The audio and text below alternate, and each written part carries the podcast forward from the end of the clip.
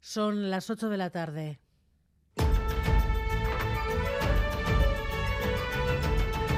Crónica de Euskadi. A León, viernes de santo, de sol y temperaturas agradables y el resultado es que nos hemos echado a la calle. Planes de monte, playa y procesiones, Miriam Duque. A Racha León Arancha, sí, terrazas, paseos y playas a rebosar, aprovechando el buen tiempo, con posibilidad de caminata a Bayona o San Juan de Gastelugache.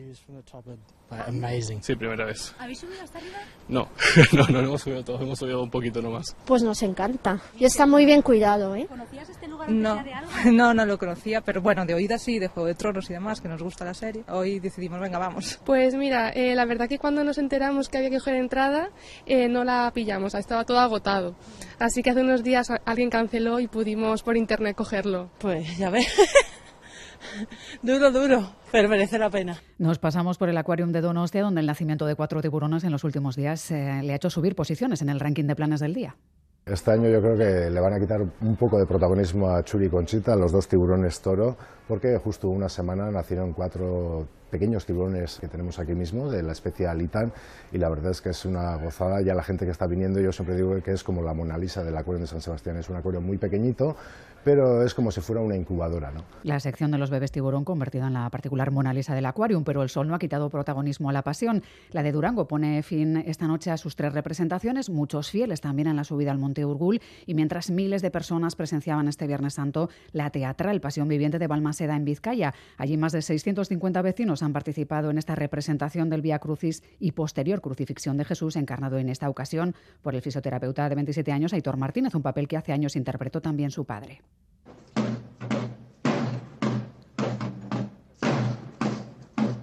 La pasión viviente ha comenzado a las nueve y media en el llamado Campo de Monjas con el juicio de Poncio Pilato y ha continuado con el Vía Crucis por el casco histórico, crucifixión y el traslado al sepulcro. Se implica todo Bal- balmacedano y balmacedana, ¿no? Por ejemplo, mi hermano es el protagonista principal, luego mi tía también de Virgen, mi padre de Cirineo y ya Aitite, pues que con sus 90 años ha hablado de, de todos. En cuanto le he visto ya me he puesto a llorar, muy emocionada. Impresionante izan ez? Ambiente, ¿no? Aquí en Balmaseda tenemos mucha tradición. Se vive con intensidad, con mucha fe, mucho, muy bien.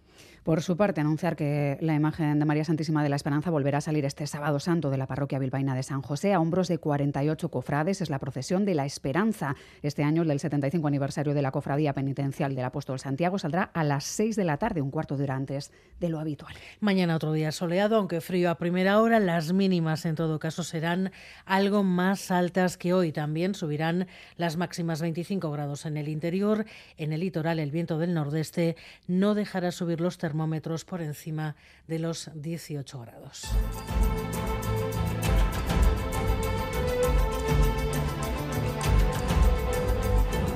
Y densa calma en Oriente Próximo tras la última escalada. En las últimas horas Israel ha vuelto a bombardear posiciones de Hamas en Gaza y Líbano y en Cisjordania han muerto dos mujeres de una colonia judía. Corresponsal Miquel Ayestarán, León.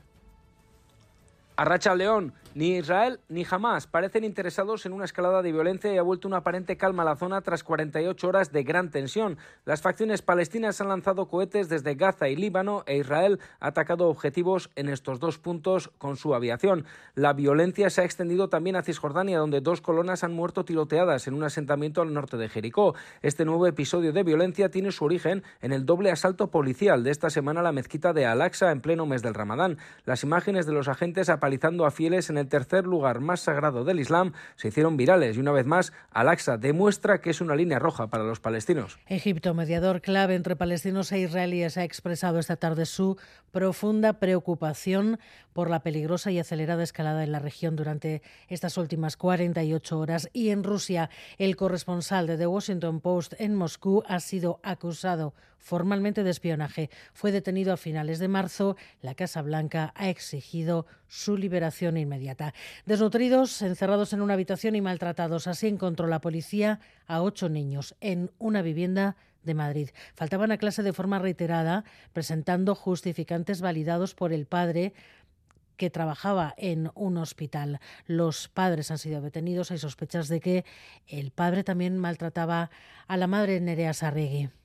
Sí, una denuncia en marzo de una persona del entorno de la familia que alertaba del maltrato que estaba sufriendo una de las menores encendió todas las alarmas. La Guardia Civil puso en marcha una investigación que descubrió que ella y sus siete hermanos eran víctimas de maltrato. Vivían arrinconados en una habitación, en una casa completamente insalubre, sucia, llena de objetos y basura y faltaban frecuentemente a clase, algo que justificaba el propio padre, que es médico. Mercedes Martínez, portavoz de la Guardia Civil una vivienda donde es muy complicado convivir, puesto que está llena de enseres y de suciedad. Además, en ese mismo registro se descubre que los ocho menores compartían un habitáculo, una habitación. Se constatan las sospechas que tenía la Guardia Civil, eran sometidos a maltrato tanto físico como psicológico. Los ocho menores de entre 4 y 14 años se encuentran ya en un centro de acogida de la Comunidad de Madrid y los padres de 44 años han sido puestos en libertad con cargos a la espera de juicio. Les han retirado la patria potestad y les han impuesto una orden de alejamiento. Se les atribuyen delitos de maltrato y contra los derechos y deberes familiares. La investigación ha concluido que la madre, también detenida, era víctima de violencia machista por parte de su marido. Hoy hace un año el 90% del Parlamento vasco avaló un pacto con las bases sobre las que reformar el sistema educativo. Un año después han surgido dificultades que han retrasado la aprobación de la ley. En EITV hemos hablado con todas las formaciones para ver en qué punto está este trascendental proyecto. Lo importante es todo ese trabajo previo que se ha hecho y que podamos llegar a, mayores acuerdos. Que las prisas no son buenas, pero que eso no nos puede llevar a no consensuar una nueva ley esta legislatura. Creo que el objetivo tiene que ser que consigamos eh, mantener e incluso, si es posible, ampliar este ámbito de acuerdo. Lo que era motivo de esperanza y alegría hace un año es motivo de desesperanza y de desengaño un año después. Desmantelar lo que ha funcionado bien, la convivencia entre lo público y lo concertado hacer del castellano una lengua marginal. Ayer fue el PNV, hoy EH Bildu y Euskal Herria Bay han difundido su manifiesto con motivo de la Berrieguna. Llaman a poner en marcha un nuevo pulso popular para responder a los retos del siglo XXI. José Luis Fonseca. Toca celebrar y también reivindicar y por ello EH Bildu y EH BAI hacen un llamamiento para poner en marcha un nuevo pulso popular que responda a los retos de este siglo XXI desde un pueblo cuya condición sigue estando negada, su territorio dividido y a merced de las decisiones que toman terceros desde otros lugares. El manifiesto subraya que la Berrieguna es el día de todas las personas que viven y trabajan en Euskal Herria, de todos y todas, sin excepciones, también de quienes, aun viviendo aquí, sienten más arraigo por otras identidades. Un pueblo plural que habla varios idiomas pero que tiene en el euskara su razón de ser, y toda esta pluralidad es la que, se dice en el manifiesto, nos hace pueblo y el Aberriguna también tiene que ser espejo de esta realidad. La portavoz de H. Bildu en el Congreso, Merce Aizpurúa, lanzaba ayer la idea de celebrar un Aberriguna unitario entre, entre fuerzas abertzales y no abertzales que compartan su visión de Euskadi más allá de la sigla. Esto es lo que responde el parlamentario del Carrequín Podemos IU, Íñigo Martínez. Como vasco, ¿no? que me siento y como vasquista, no me siento interpelado ni apelado por ninguna convocatoria, ¿no? que la patria son las personas, son los derechos sociales, más que pues y corriñas gigantes. También estaríamos dispuestos a encontrar una forma más laica de celebrar una fiesta que nos debería unir a todos y a todas y que ahora mismo pues solo una parte se siente interpelada. De nuevo en vacaciones, algunas urgencias ambulatorias están siendo atendidas únicamente por personal de enfermería. ¿Por qué, Lourdes Soria? La falta de médicos durante esta Semana Santa está provocando problemas en varios de los puntos de atención continuada de Osakidecha. Los facultativos han rechazado hacer más horas extra en estos lugares donde se atienden las urgencias ambulatorias porque se niegan a cobrar menos por estas horas adicionales que lo que perciben sus colegas de los centros de salud. Ante esta situación, el departamento se ha visto obligado a que algunos de estos PAC sean atendidos solo por personal de enfermería. Una situación que, por otro lado, no es excepcional, ya que el pasado mes de marzo ya hubo 13 días en los que no hubo médicos en varios de los servicios de urgencias ambulatorias. la Organización Mundial de la Salud cumple 75 años. Todavía el 30% de la población mundial no tiene acceso a los recursos sanitarios básicos. En este Día Mundial de la Salud hemos preguntado a cada uno cómo se cuida hecho deporte eh, durante la semana, bastantes días, la verdad, 5 o 6. Buena alimentación, dormir bien. Mantener la higiene diaria, lavar las manos, dormir mínimo 8 horas, frutas, verduras, proteínas, tomar el sol importantísimo. Cuidarnos, procurar comer lo más natural posible. Pues así Sí, nos cuidamos y tratamos de estar más sano. De momento, esta crónica de Euskadi fin de semana llega hasta aquí porque es tiempo ya del deporte. Alberto Negro, Arrachaldeón. Arrachaldeón, Sanon dicen también que es el deporte. Vamos a ver cómo les ha ido a los nuestros en la jornada de hoy. Por ejemplo, en ciclismo, en una etapa de muchísimo desgaste que ha finalizado en Amorebieta Echano con victoria al sprint en un grupo de 22 corredores donde estaban todos los favoritos del colombiano Sergio Andrés Higuita. No ha habido grandes modificaciones en la general, más allá de las que han provocado las bonificaciones en los tiempos intermedios. Manda Jonas Vingegaard con 13 segundos de ventaja sobre Mikel Landa, mientras que Esquielmos, el tercero, está a 32 segundos, siento cuarto David Godú y sexto Ion Izaguirre a 34 segundos en una general que se sentenciará mañana. Pero antes de hablar de la etapa de mañana, vamos a escuchar a Sergio Higuita hablando de lo que ha sufrido para conseguir la victoria de hoy. Me sentía que iba a reventar en cada muro, pero tenía calma hasta el final y luego al final sabía que tenía una bonita oportunidad para estrenar mi palmarés y más en una carrera que me gusta tanto como es esta Zulia. Tengo muy buenos recuerdos cuando estuve en la fundación aquí corriendo estas carreras y hoy levantar los brazos es demasiado bonito para mí después de unos meses que he tenido difíciles de enfermedades de salud, una bonita motivación para mí. Una buena motivación para Sergio Higuita, que ha visto como en el día de hoy el ecuatoriano Richard Carapaz y también Edward Prades han abandonado, el primero por problemas respiratorios y el segundo tras una caída. Mañana se disputa la última etapa con salida en Eibar y llegada en la localidad tarmera, 138 kilómetros de recorrido y siete puertos puntuables para el Gran Premio de la Montaña. Abraham Olano, ¿qué tal la racha León?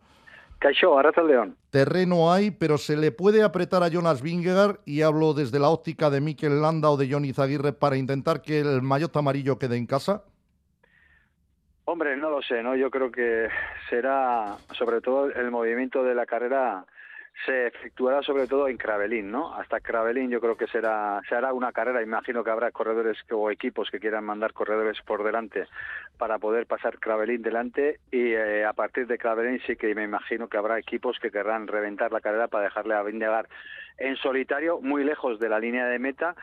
Lo que pasa que puede eh, pasar lo mismo que nos pasó eh, el día que cogió el liderato Vinegar, ¿no? Que, cogió y en vez de esperar a, a los arranques de los demás arrancar, irse en solitario y dejarlos a todos los líderes de, uno en uno. Y bueno, eso merma las posibilidades de, los movimientos de, los líderes, pero bueno, creo que es una carrera en estos momentos muy abierta, están eh, muchísimos corredores o prácticamente en eh, nueve segundos están los ocho primeros corredores más o menos, entonces eh, eso es lo que quiere decir que la carrera está viva y cualquier movimiento y cualquier situación complicada a Vinegar pues puede cambiar el liderato de pues, el, último día, ¿no? Vamos a ver eh, qué ocurre, por lo tanto, en la jornada de mañana. Es que ricasco, Abraham, Agur. Recuerden en la general, líder Pingegar, 13 segundos de ventaja sobre Mikel Landa, 32 está Esquielmos, pero entre el tercero y el décimo de la general tan solo hay 8 segunditos de diferencia. En el deporte del golf se está disputando la segunda jornada del máster. Ha finalizado ya su recorrido Chema Olazábal. Lo ha hecho con más 5, más 10 en el total de ayer y de hoy, con lo cual Olazábal no va a poder pasar el corte, el bicampeón del máster de Augusta. Kezka, el estadounidense, se ha finalizado ya su recorrido y es líder con menos 12. John Run está jugando ahora el hoyo 3, hasta el momento dos pares en el inicio de la jornada, menos 7 para el de Barrica. Y en el deporte del fútbol mañana juegan nuestros tres equipos de primera división. Osasuna, flamante finalista de Copa, recibe al Elche en el Sadar. Yago Barrasate, después del subidón del martes, quiere recalcar la importancia del partido. Jugamos en casa, donde llevamos tiempo sin ganar y sin hacer gol y creo que si ganamos mañana nos ponemos muy, muy, muy, muy cerca del primer objetivo